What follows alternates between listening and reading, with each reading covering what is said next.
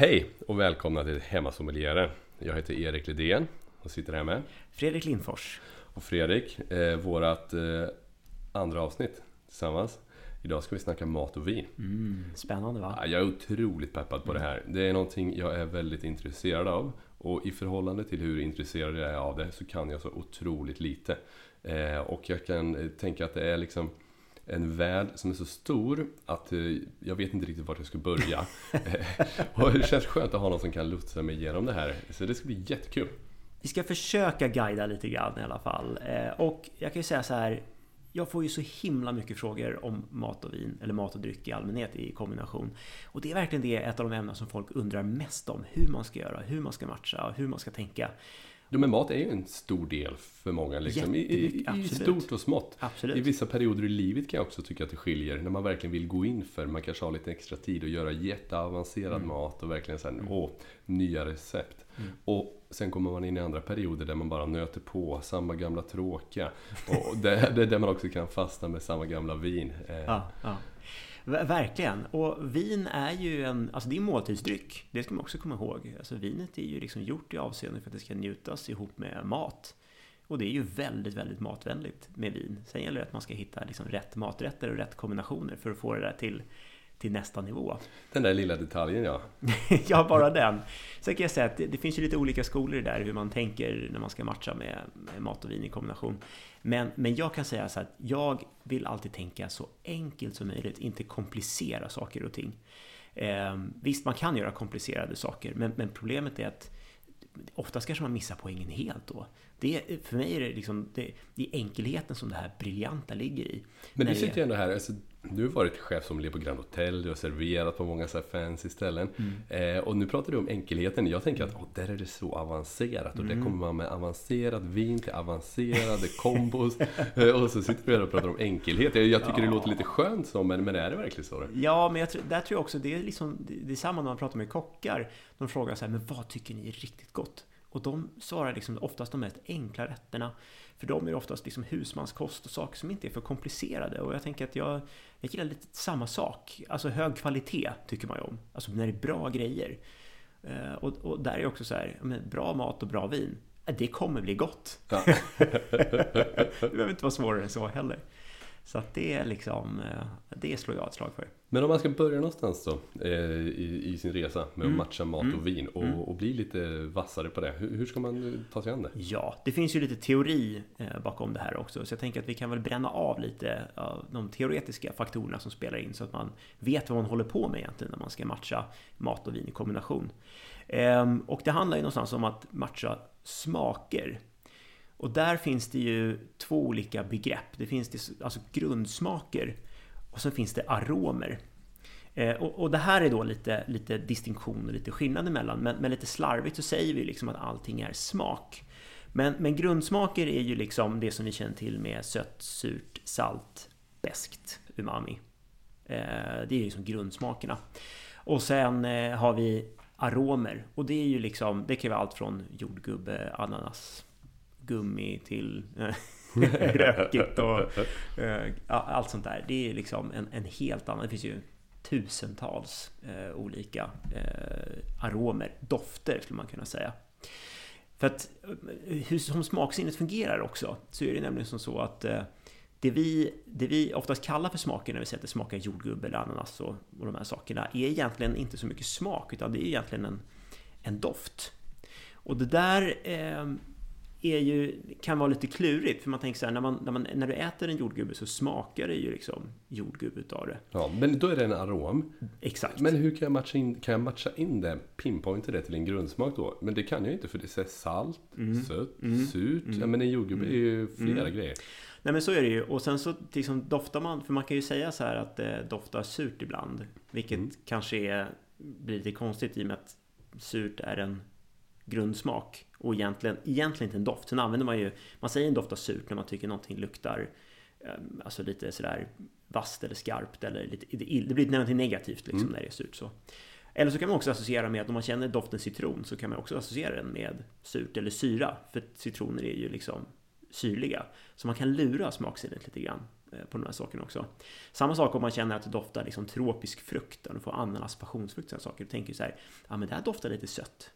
Ja, Men, men, men då är det inte sötma, utan det är bara att du associerar de här liksom dofterna med, med sötma. Just det, så att de aromerna med den grundsmaken. Exakt, Ja. exakt. Så det, det, det är det intressanta här va. Eh, och, och det är samma sak så här, om jag tänker så här, jaha men om man ska testa det här så kan man ju till exempel, alltså jag, jag kommer ihåg som när man var barn, när man åt saker man inte tyckte om, så höll man ju för näsan. För Ja. det smakar ingenting. Och det är precis det som är grejen. Då känner du inte liksom de här aromerna, då känner du bara grundsmakerna. För om du tar bort näsan så stänger du av liksom den, eh, den kanalen som gör liksom receptorerna som tar upp liksom aromerna som tar upp doften som sen eh, går upp till doftcentrat i hjärnan som registrerar de här olika dofterna och aromerna så att säga. Ehm, men sen om vi tittar till grundsmakerna när vi har ja, men sälta, syra, beska, sötma, umami. Det känner vi ju på våra smaklökar som sitter på tungan. Eh, och, och, och de kan man inte stänga av på, eh, på det, det, sättet. Är det svårt? Nej men precis. Så att, eh, så att det är olika eh, Det är olika saker. Och där tänker jag också, varför relatera till vin, att när folk säger att de, de tycker att det här vinet var så sött. Då kanske det är ett vin som, som smakar väldigt mycket liksom passionsfrukt, mango, hallon. Ehm, Men, men har inget liksom socker i sig. Då har liksom personen blivit lurad av att, den har, att det är väldigt fruktigt vin och tänker att det är sött. Bara för att man associerar fruktkaraktären till söta saker. Ja. Kan det då vara en fallgrop när man sen ska matcha vin Ja. längre down the road? Ja, men det kan det vara. Så att jag tänker att man ska hålla koll på liksom vad som är grundsmaker och vad som är aromer. Och grundsmakerna är kanske liksom grundpelaren när man ska börja göra matchningar. Ehm, för om vi tittar till, till de olika grundsmakerna, om vi börjar med sötma till exempel. Så att har du sötma i, i mat och sötma på tallriken, eh, då, då kommer det få liksom vinet att upplevas som att det är syrligare och att det är strävare än vad det är.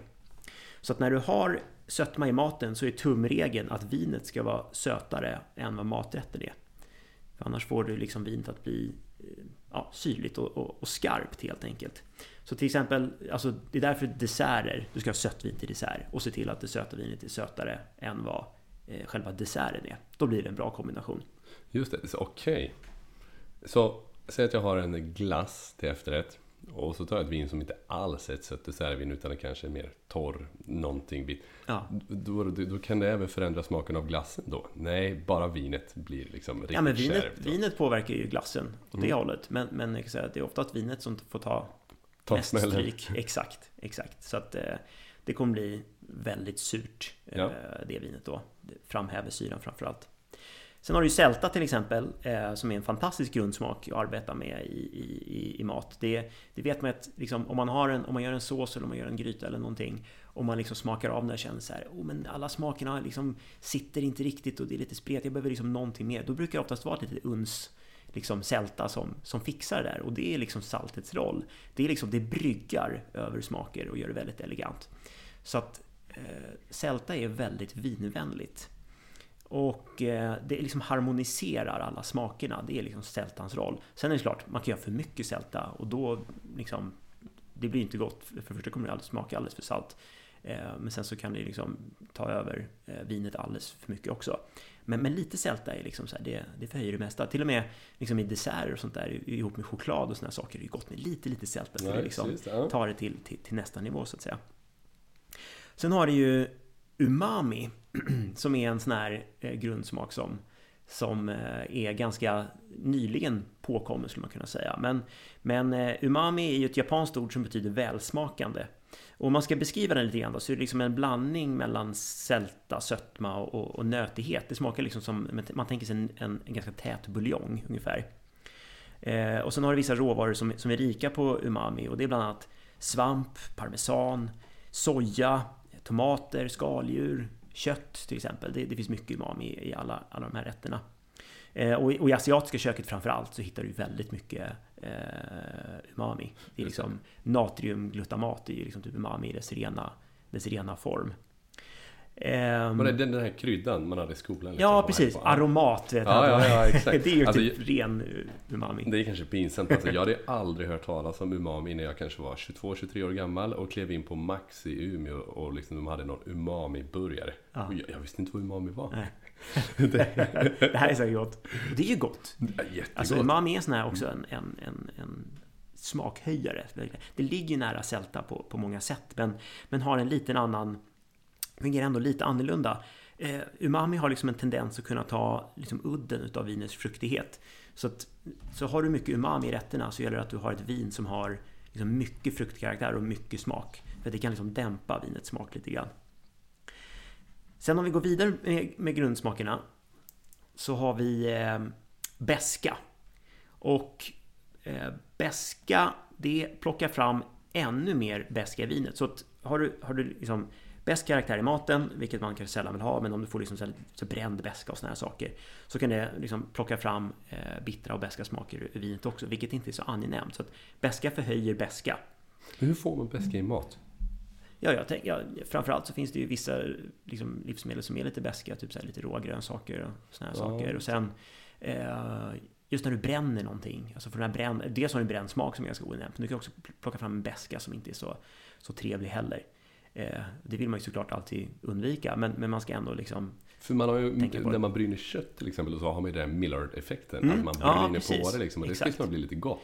absolut. Men, men beska, nej men exakt, jag associerar beska väldigt mycket till något negativt. ja, Men är det, ska jag tänka så eller finns det liksom någonting positivt med beska eller är det bara Ja, nej? det är nej, men jag tror att du skulle göra väldigt många ölälskare eh, lite upprörda om man säger att beska var negativt. För, för i öl så är ju beska liksom väldigt viktigt. Och sen har vi slutligen då, men en, en eh, grundsmak som är väldigt, väldigt viktig när det kommer till att matcha med vin och det är ju syra. Dels för att vin har väldigt mycket syra i sig generellt också naturligt. Eh, och där fungerar det lite tvärtom mot vad beska gör, vilket är rätt intressant. Och det är att om du har syra i, i maten och du har ett väldigt syrligt vin så kommer de två ta udden utav varandra. Vilket innebär att om du har ett jättesyrligt vin och du matchar den med, med, liksom, med, med en syrlig maträtt så kommer vinet upplevas som att det är liksom mjukare och inte är lika skarpt i syran. Eh, vi ska se, vi kanske ska testa det här lite senare i, i, eh, i podden när vi kommer till provningen. Ja, spännande. Jag tycker nästan det bara om man skulle titta här att det finns ungefär som nästan en tydlig regel per grundsmak. Vi kan ju återkomma lite till det. Ja, nej men lite så. Det är i alla fall hur man ska, hur man ska tänka. Och sen så ovanpå det där så kan man addera liksom aromerna. Och det är ju liksom det man gör. Det här är ju liksom själva grunden, hur, hur grundsmakerna eh, fungerar då, då. Men sen tror jag också det viktiga någonstans när man, när man gör matchning, det är att man, man tittar på vad man, vad man har för maträtt och man ser maträtten i sin, i sin helhet och tänker så här, är den, är det en rustik rätt? Är den elegant? Är det smakrikt? Är det kryddigt? Är det sött? Eller är det mjälla smaker? Det får liksom också väldigt mycket styra vad för typ av vin man ska ha. För att du vill ju liksom varken att maträtten ska ta över eller att vinet ska ta över för den delen heller, utan det ska liksom vara en harmoni eh, de, de emellan så att säga. Eh, Så det viktiga är att man matchar intensitet i manet- maten med, med, med vinet och att ingen tar överhand. För det är jättetråkigt om man kör över eleganta maträtter eh, med alldeles för kraftiga viner. Alltså jag tänker så här, bland det finaste vi har i det här landet så är det ju typ havskräftor som är liksom väldigt fin liksom smak av havet och god sälta och lite sån här lätt sötma och det är massa umami i de där också. Och men ganska finstämt. Exakt, liksom. finstämda Ja, smaker. Och så är det liksom, jag kan tänka mig bland det värsta man gör det är att liksom dunka på med något jättetanninstint, tungt, kraftfullt rött vin, Cabernet Sauvignon, liksom någonstans ifrån. Och då är man så här, då, då tar man ju bort liksom all elegans. Men, det. men det känns ju som att ganska få skulle faila. Man skulle Mm. lyckas veta, okej, havs, havskräftor. Ja men typ något så här fisk, vitt vin, inte rött. Mm. Typ. Mm. Men, så, så den tänker jag ändå, den kanske man inte åker på. Mm. Men säg att du har så här, köpt goda havskräftor nere på Smögen. Du är och, vilket vitt vin är ett klassiskt misstag att ta? Liksom, för det känns som att då, ah, jag tar något vitt. Men vad, hur kan vi göra bort sig där då? Vad skulle vara ett klassiskt, för om du tänker som Ja. en big no-no. Ja, ja men jag, jag förstår vart du är på väg någonstans. Och, det, och där, jag skulle nog säga kanske att ha för ehm, aromatiskt och sött vitt vin kanske som blir, tar över alldeles för mycket. Eh, så här Gewürztraminer, muskat, så här jättearomatiskt, väldigt blommiga viner. För att du har så himla finstämda smaker liksom i, i havskräftan. Du vill ha någonting som är elegant, gärna torrt, friskt, hög syra. Men det, det kan få vara lite aromatiskt ändå. Men, men, Men det här, eh, det får inte ta över för mycket. Vinet får inte liksom ta över de här fina smakerna och köra över det helt enkelt. Just det, för hade du mycket syre då, 1 plus 1 har jag skrivit här blir 0,5. ja.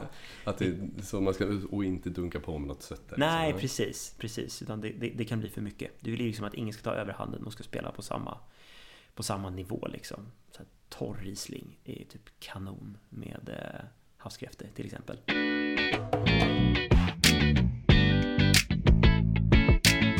Men kan man säga så pass enkelt då att ja, men, vitt vin till fisk, skaldjur och eh, rött till kött då eller? Mm, det skulle man kunna tro. Nej men det där är ju en sån här gammal regel som, som man sagt. Och jag kan tycka att den är bra. Alltså, det är ju det är också sådär, hålla det enkelt som vi pratade om i början. Eh, vitt till fisk och rött till kött. Då har det kommit långt, då är det enkelt. Sen ska jag ju säga så här, det finns ju tillfällen till exempel när man kanske passar bättre med ett rött vin till fisk, vilket låter jättekonstigt. Men eh, jag kan ta en rätt som exempel. Mm. Eh, om du tänker dig, om man tar en fisk som till exempel marulk, som ja. är väldigt, den är väldigt köttig av sig. Den, den, den liksom har en... Otroligt god fisk. Jätte, alltså, jag, jag har bara ätit marulk en gång i mitt liv, men det, det, var på ett hem och var där och åt lunch med min fru. Ja. Och, då drack vi nog i och för sig champagne till, men det var ruskigt god fisk alltså. Otroligt. Ja, nej, det är jättegott. Och den har ju en sån här nästan köttig textur ja. eh, i sig också. Men, men, och då tänker jag också när vi pratar om det här se rätten i sin helhet. Vad har man för tillbehör? Vad är det mer för saker? Nu pratar vi liksom bara om själva marulken. Och sen tänker jag så här, om du får marulken, du får den grillad, då får du in liksom den här maillard eh, liksom reaktionen som vi pratade om också. Du får lite mer den här liksom grillade, brända karaktären också. Mer, mer karaktär, mer djup i det. Tittar man på vilka tillbehör man kan få, tänker man så här, man får in lite stekt svamp, stekt bacon, och till och med en liksom lättare rödvinssås. Det här är inga konstiga kombinationer till en, till en eh, utan det här kan vara rätt goda grejer. Där här är vi liksom till och med serverat på Operakällaren, en sån rätt. Och då är det så här, man tittar till det här, just ta en lite lättare rödvinssås, bacon som har mycket sälta, mycket smak, rökighet och den här lite köttigare fisken. Då är det faktiskt jättegott med ett eh, lite lättare rött vin, typ en eh, Pinot Noir. Eh, som har rätt mycket fruktkaraktär, mjuka tanniner, fortfarande fin syra. Det blir en kanonkombo. Ja, men det, det, det, är kul att man kan eh, sväva ut det så. Men, men vadå, vad är det då som gör att, att salt, alltså lite som du säger, bacon, plocka upp, varför är det så bra med rött då? Nej, men det funkar inte vitt. Det funkar inte vitt också, men jag tänker framförallt att det kanske blir lite mer mustiga smaker eh, i den fisken som gör att det bryggar över bättre mot ett, ett rött vin naturligt sett än just ett, ett vitt. Hade man vänt på det på andra sättet och tagit eh, vi kanske byter ut marulken mot en torskrygg eh, och så gör du en, en, en smörsås, en klassisk beurre blanc med lite champagne. Och sen så har du eh, liksom löjrom och sen så bräcker du den med lite olja och så. Eh, så får du ju en helt annan karaktär. Eh, och istället för att du grillar torsken så kanske du eh, bara ugnsbakar den eller pocherar den så att du får liksom mycket mjällare smak. Det blir liksom elegans, fin syra, fin fetma liksom i den här såsen också. Och då tänker jag så här, nej men här vill jag ha någonting fylligt vitt med hög syra och gärna lite fatkaraktär. Det är jätteelegant ihop med, med, med den typen av fiskrätt. Så att man kan gå lite olika håll där eh, ja. och leka lite med... Men, men exakt, men att det, man, man, man får ju tänka en del. Det är ju det är goda rätter, goda kompisar, om man, man har hört dem förut. Men att få, få till det liksom och veta varför det i grund och botten är så. Mm. Eh, det är ju väldigt intressant liksom. Mm. Eh, och jag tycker vi är och nosar på det, försöker tänka här mm. grundsmaker, mm aromer. Eh, Precis, och jag var inne på det också lite grann där med tillredningssätt. Hur man tillagar liksom råvarorna så här spelar också stor roll. Alltså sagt, det är en skillnad mellan man liksom grillar och kokar. Det, det, ger ju en helt annan liksom karaktär på, på, på, på råvarorna man jobbar med. Eh, och, och, sen också lite sådär, jag gillar ju att se på det ibland som att liksom, jag ser vinet ibland som såsen som inte är på tallriken. Alltså, visst, du kan ju ha en sås i rätten och sådär också, men, men jag tänker vinets roll ska ju också lite vara det att den är liksom den komponenten som, som förhöjer hela rätten, som liksom håller allting samman. Men den ligger inte på tallriken, den, den råkar vara i glaset. men den är lite som en sås som är på sen av. Och då tänker man så här, men vilka attribut har vinet som kan liksom lyfta den här rätten? Och då har du liksom oftast liksom en, en syrlighet eller en frisör. Eh, eller så är det liksom fyllighet eller ett djup dova toner och liksom fruktkaraktär som, kan, som, som vinet kan ge till rätten för att man, liksom, för man lyfter det så att säga. Ehm, och där kan man ju också i den här, i, när man gör kombinationer så pratar man också om vad som är eh, spegling och vad som är kontrastering. Och här är vi också inne lite grann på det här med, med aromer återigen. Eh, en, en, vanlig sak att göra det är det man kallar för spegling då, då och, och, och, det innebär att man tittar på vad man har för smaker eller då aromer i, i rätten och så försöker man hitta samma aromer i vinet. Så att där är till exempel eh, så kan jag tänka så här, men har det vi pratade om tidigare, man kanske har eh, liksom, bacon nämnde vi bara så här för att nämna en råvara där du har lite rökighet och du har sältan och du har där liksom.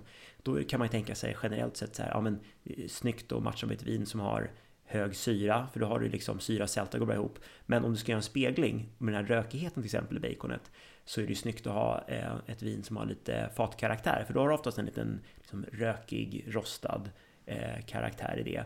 Eh, och bacon, då är det liksom i, i liksom lite animaliskt, lite charkuteri och sådär. Och det där är toner du kan hitta i vissa viner ibland. Till exempel Syrah kan ge lite sådär eh, animaliska toner. Kan dofta lite chark till exempel. Ja, men säg att man har smör. Ja, men hur, vart hittar jag smör i ett vin då? Mm. För du, du pratar om den här smöriga såsen till torsk och sådär. Mm. Ja, men var mm. hittar jag smör i ett vin? Mm.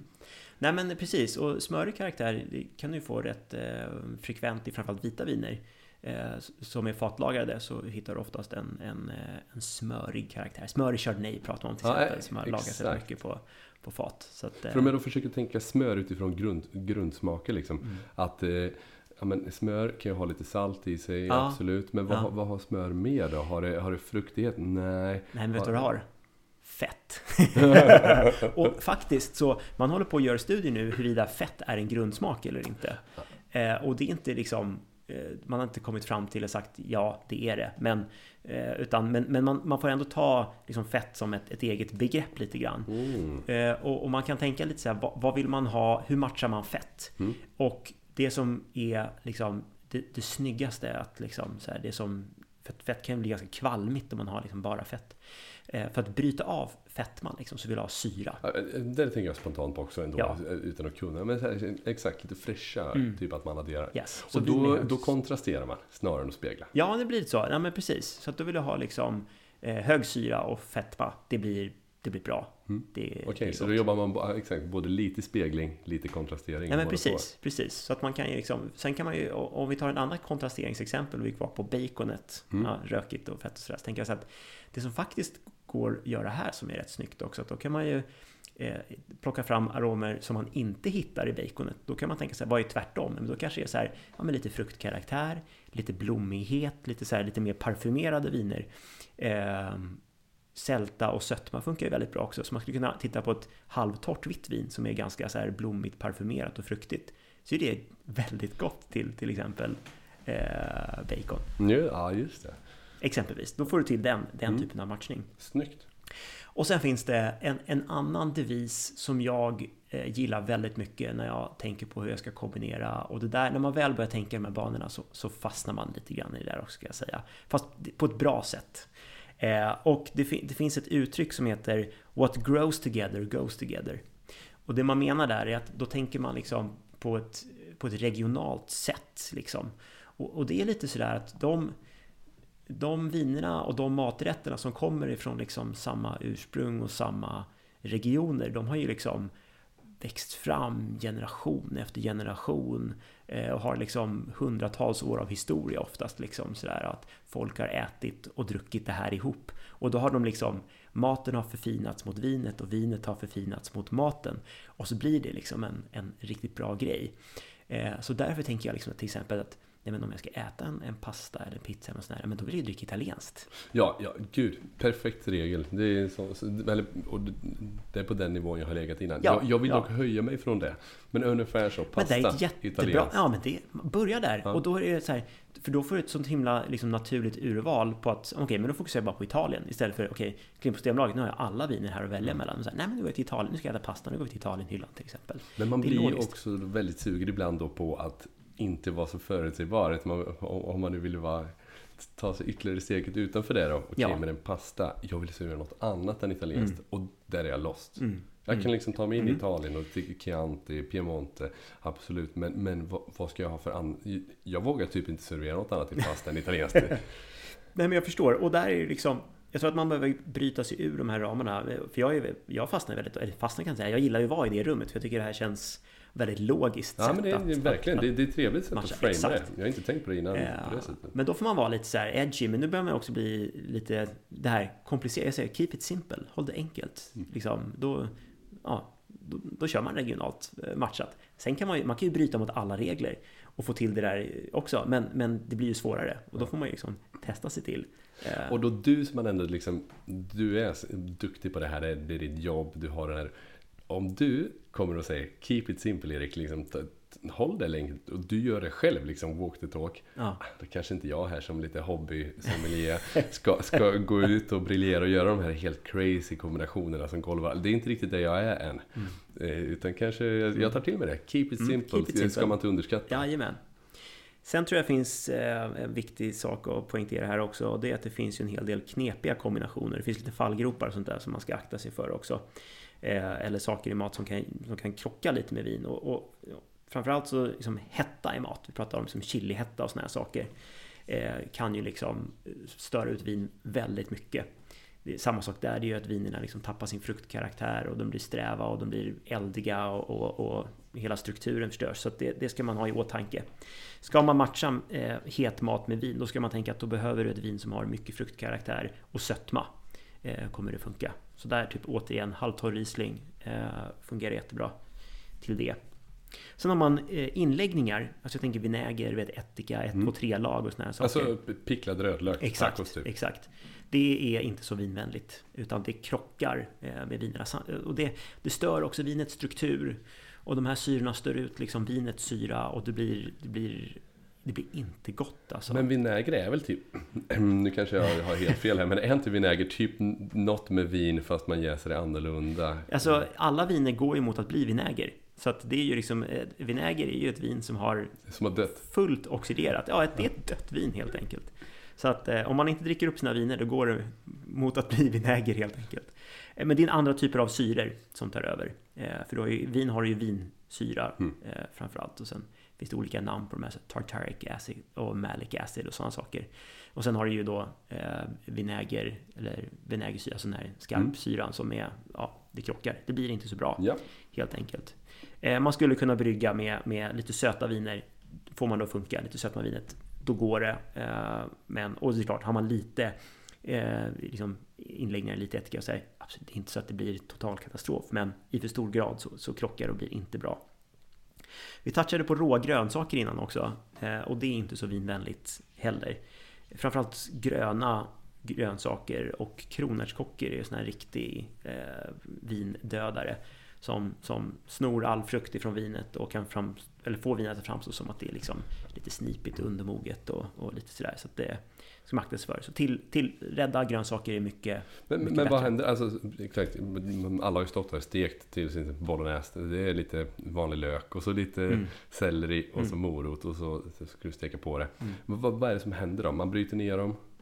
Ja, jag antar att de, det- de blir mil, mildare liksom. Ja. Man tar bort en del eh, beska. Precis, alltså det sker väl en kemisk reaktion eh, tänker jag i, i grönsakerna som gör att du, du får bort det här liksom som är lite fad, fadda smaken i dem eh, och lyfter fram mer så här, det, det kommer fram mer sötma och mer liksom sådär inte för att det nödvändigtvis behöver vara bra med vin men, men liksom ta bort det här det som är lite ja, den fadda smaken helt enkelt i grönsaker skulle jag säga och, och gör att det, det bryggar mycket bättre mot, mot vin. Ja, och så om man har egentligen så här råa grönsaker då ha med sig det i alla fall. Eh, Ja, att, att ja. det kan påverka vinet. Yes, det ska man akta sig Mm. för. Ägg är en annan sak som eh, också dödar eh, vinets smaker. Ehm, och framförallt eh, om man har liksom typ kokt ägg, stekt ägg, sådana saker. Ägg fungerar jättebra i emulsionssåser, majonnäs och sådana saker. Där är det inget problem. Eh, men om du har en stor liksom, äggkomponent så kan det verkligen ta ner eh, vinet ordentligt. Eh, och sen kryddor, alltså starka kryddor, sånt som är alltså aromatiskt starkt kryddor. Och framförallt om du har för mycket utav det. Så det är samma sak där, det kan lägga sig och täcka liksom vinets fruktkaraktär. Lite kryddor går jättebra eh, och såklart i, beroende på hur, hur aromatiskt vinet är så kan man också matcha det med den mängden kryddor man har. Men man ska ändå ha, liksom en, ha det i åtanke.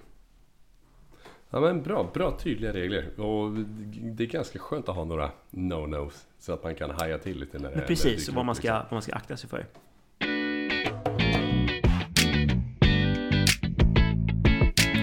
Och sen tänker jag så här, det finns ju, nu har vi snackat lite mat och sådär, men det finns ju också några sådana här klassiska kombinationer som man säger så här, oh, det här är en bra, det här är bra matchningar. Eh, och så tänker jag så här, men, ja, men varför är det här Eh, bra matchningar? Men vi kan ju ta några, några exempel då, men vi har ju tyckt ostron och chablis tycker man är riktigt härligt och det här såklart beror på vad gör man med sina ostron. Jag är en stark förespråkare med att bara ha lite citron på mina ostron, tycker jag är bra. Det funkar jättebra med vinet också. Ehm, och tänker man chablis som vin, då är det liksom hög syra, friskt vin, mineraliskt. Det kan ju smaka lite ostronskal ibland också. Eh, och eh, hela Chablis har ju varit en gammal havsbotten så det är ju, det är ju mycket mineraler och eh, liksom det i, i, i marken. Så att hög syra, friskhet, smak av havet. Ostron är ju liksom, smakar ju havet typ i sin renaste form. Så du, du får ju väldigt snygga matchningar på, på det sättet liksom. Ja men verkligen. Men jag tänker Sancerre, är inte det mm. mm. Sancerre ostron? Mm. Det är också väldigt snarlikt. Jag ska säga. Sancerre så blir stilistiskt sett ligger väldigt likt. Alltså väldigt lika varandra. Eh, så att Sancerre är också ett klockrent vin att ha till. Muscadet dricker man också lokalt i, i västra delen av Loire där man har mycket ostronodlingar ut mot Atlanten. Det är också kanongott.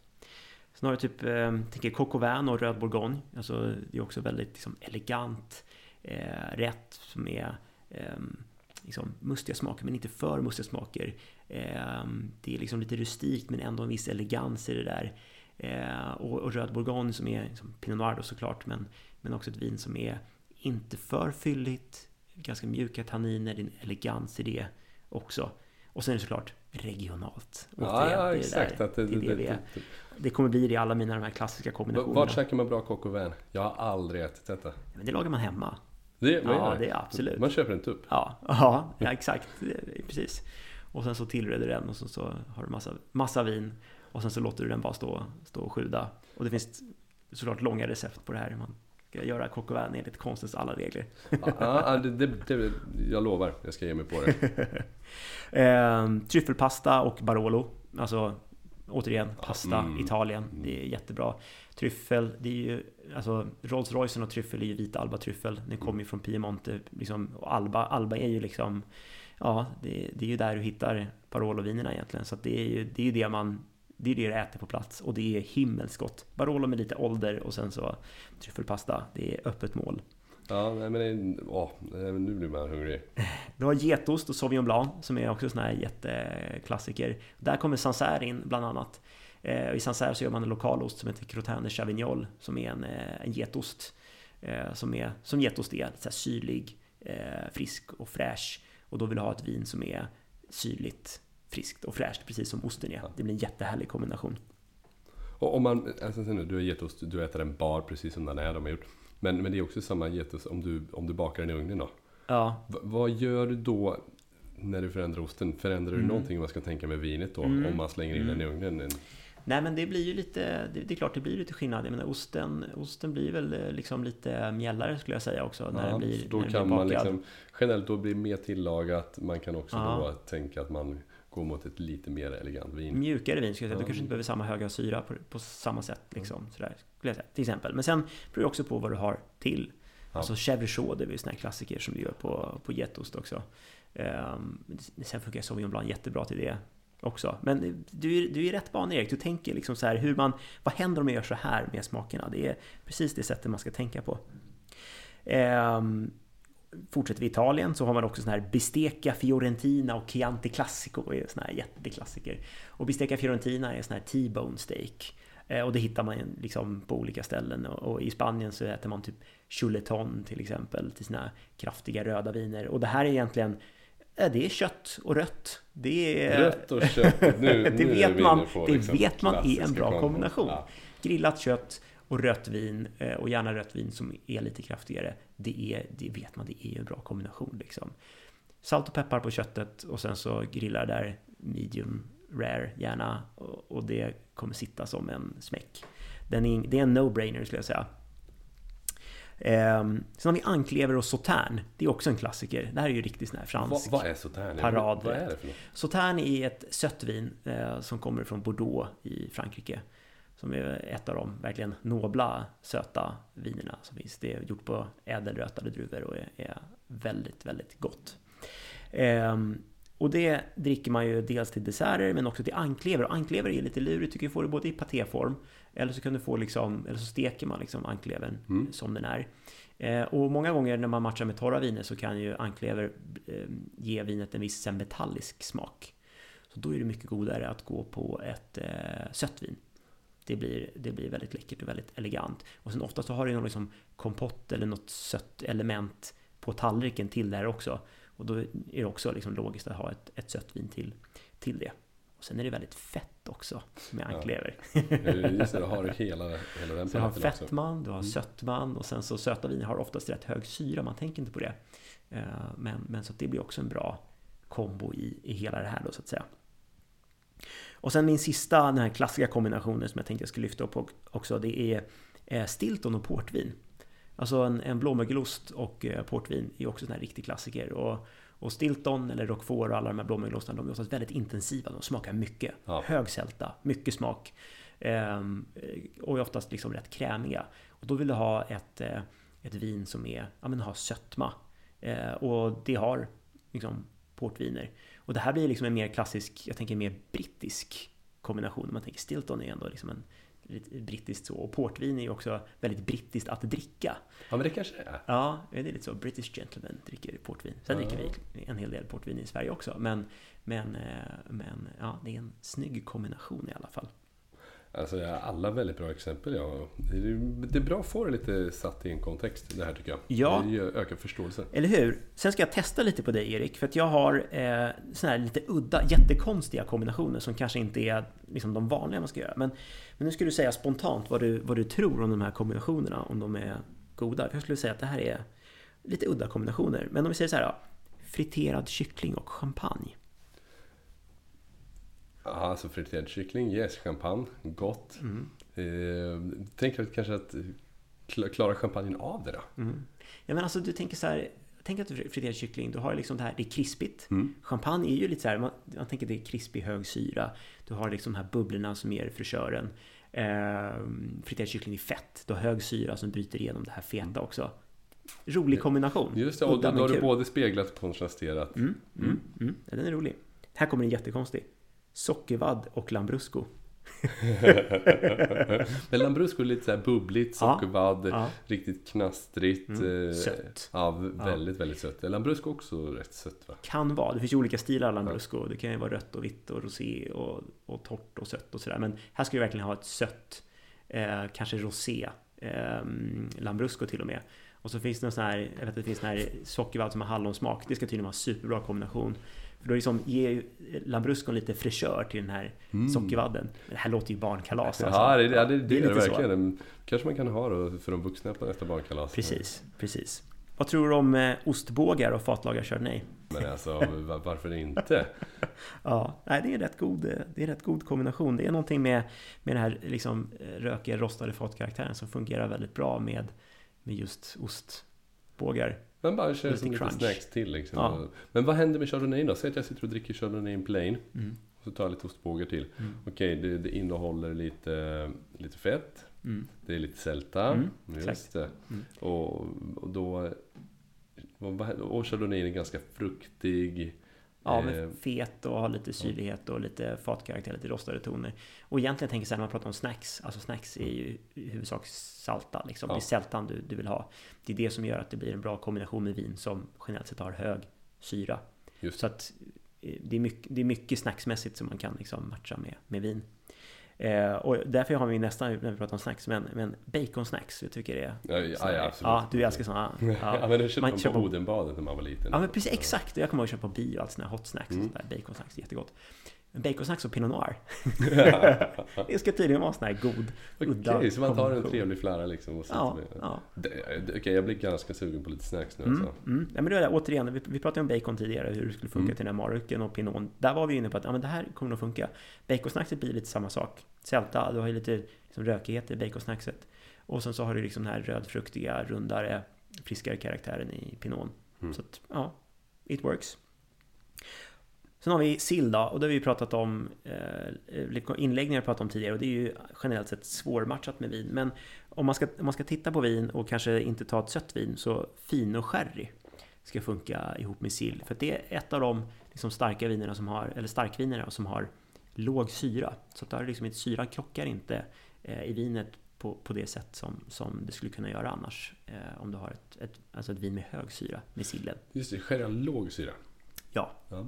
För, man använder väl också sherry i, i lite såser, lite Mm, sådana grejer? mm. Ja, exakt. Matlagning är vanligt att använda, Mm. använda sherry. Men sill och fino sherry, det är någonting man kan prova på julbordet till exempel. Ja, just det, just det. Och sen kommer en, eh, en, en sista eh, konstig kombination också. Och det är chorizo och sparkling shiraz. och sparkling shiraz det är ju ett udda vin bara i, i sig. Det är ju liksom lambrusco. Ja, det är mousserande rött vin. Det är lite lustigt. Det Eh, låter lite crazy. Ja, det är lite crazy. Är det gott? Eh, Det är ett väldigt annorlunda vin, ska jag säga. Diplomatiskt. Ja, men det är lite acquired taste skulle jag säga. Jag, när jag var runt i, i Australien så fick, alltså vi fick till frukost så fick vi sparkling shiraz och såna här grillade äggmackor. Jag ska inte säga att det var den bästa kombinationen, men det var klart intressant. Wow, ja. det låter som en intressant kombo. Nej men precis. Och chorizo här har ju liksom sälta, mycket smaker, fett, lite rökighet, lite så här hetta. Och, och i sparkling shirazen så har du ju som fruktkaraktär, du har liksom bubblig karaktär och, och, och ja, mycket smak också. Så att, ja, lite konstiga kombinationer för den som kan tycka att det är kul att, att prova lite annat helt enkelt. Kul!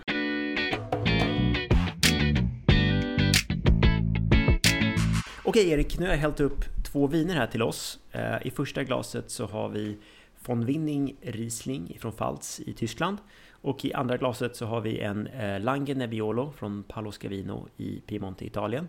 Och jag tänkte, vi pratade lite grann om grundsmaker där tidigare och att jag skulle testa dig lite grann. Ja, Så kul. att innan vi gör alldeles för mycket så tänker jag vi, vi börjar med att prova det vita vinet. Mm. Dofta lite och smaka på det. Och sen, det här är verkligen en typisk klassisk Riesling. Hög syra, mycket Mm. friskhetfrisör, mycket citrustoner. Mm. Man känner att det verkligen stramar till Mm. ordentligt. Du får den här, liksom, det bildas mycket saliv och det stramar i kinden och då vet man så här, oh, härligt, hög syra. Okej, och då tänker jag så här, nu har du fått en liten citronskiva från förr också. Bit i den och sen så provar du vinet direkt efteråt så får du se vad du får för effekt. Okej, jag kör. Mm. Mm. Och det är surt med citron. Mm.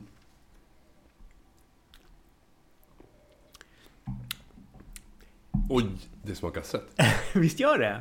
Alltså, Vad, vad sjukt. vinet blir jätte fruktigt och mjukt och det kommer liksom helt andra aromer. Eh, och, och syran är inte alls lika skarp och vass längre. Otroligt Så att intressant. det där har du liksom när syra i maten tar ut syra i vinet. Det är liksom de, ja, syra plus syra blir mindre syra. 1 plus 1 är 0,5 som du så bra Ja, ja, men exakt. Nödvändigtvis inte att det var god, alltså det var gott innan också. Men det Ja. var också gott nu. Ja. Alltså, det var en annan, annan upplevelse. Ja, precis. Och sen har vi eh, lite mat framför oss också. Jag tänkte vi kan ju faktiskt prova lite i praktiken till det här. Eh, och Riesling är ju fantastiskt till asiatisk mat eh, som har liksom eleganta, höga smaker. Så att jag tänkte matcha med lite sushi. Och eh, vi har en liten lax nigiri och en eh, liten maki-rulle. Och eh, ja, här har vi liksom Japanska köket är ju verkligen känt för sina eleganta, rena smaker. Eh, och jag tänker att det är lite så här, det är lite hittade i Riesling också. Det finns en elegans, en renhet och en friskhet.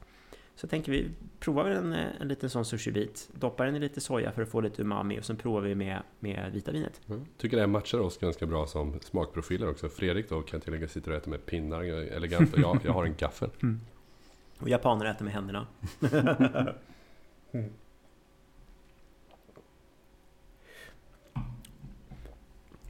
Men det är en härlig kombination ändå. Ja, Jag känner att eh, liksom, syran i vinet är väldigt härligt med liksom, sältan som man får från sojan.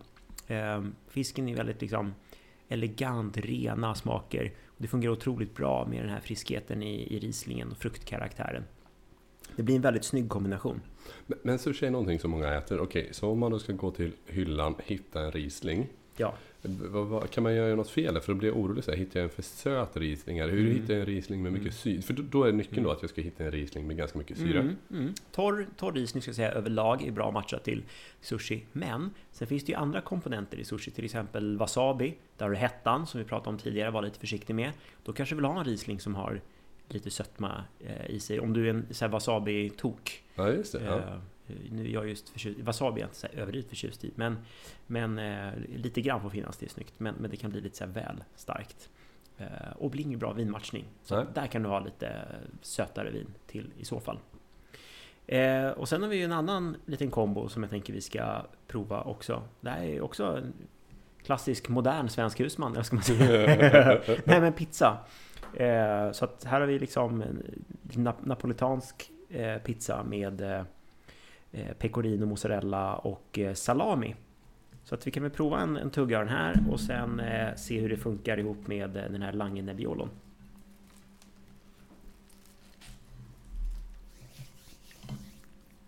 Mm. Svårt att äta snyggt. Ja, när, när det handlar om pizza, den var god. Mm.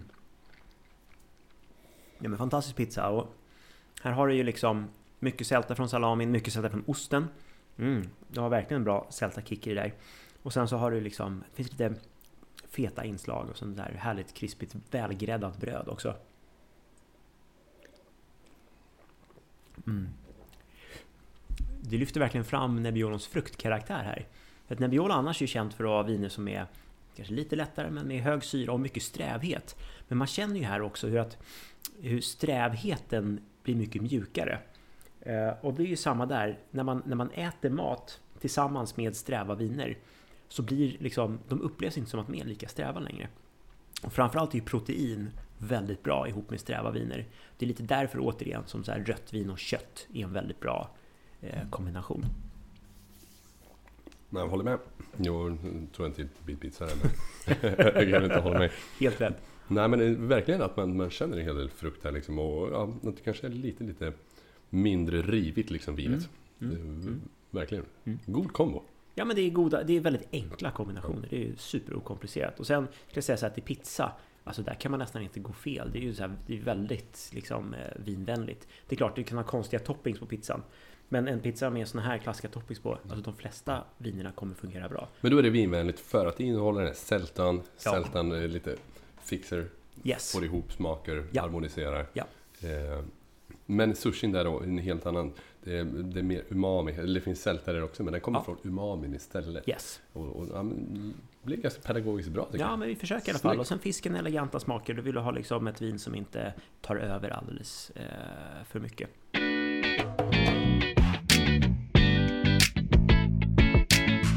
Så Erik, vad har du tagit med dig från dagens avsnitt? Ja, men Fredrik, framförallt jättetrevligt avsnitt. Eh, superlärorikt. Jag tar med mig många grejer, men det här med grundsmaker och hur viktiga de är och att vinerna kan hitta in i de olika grundsmakerna. Eh, nyckel när det gäller att matcha mat och vin. Att du sen på topp på det har aromer där man kan jobba med både kontrastering eller spegling. Exempelvis om jag hittar jordgubb i, i min rätt eh, så kan jag hitta jordgubb i vinet. Eller ska jag köra på med något helt annat, bara BAM! här, här är något som inte är jordgubb. Eh, och då kan det ändå bidra till en större helhet. Eh, det finns några big no-nos. Mm. Eh, att man ändå kan ha med sig det här med att det kan finnas lite svåra grejer som till exempel chili, att ägg. Ja, nej men toppen. Jag ska ge mig ut lite mer i det här. Mm. Och sen som avslutningsvis så tycker jag väl ändå att det här med att ja, men, håll dig till det, till det enkla. Att även du som proffs gör det.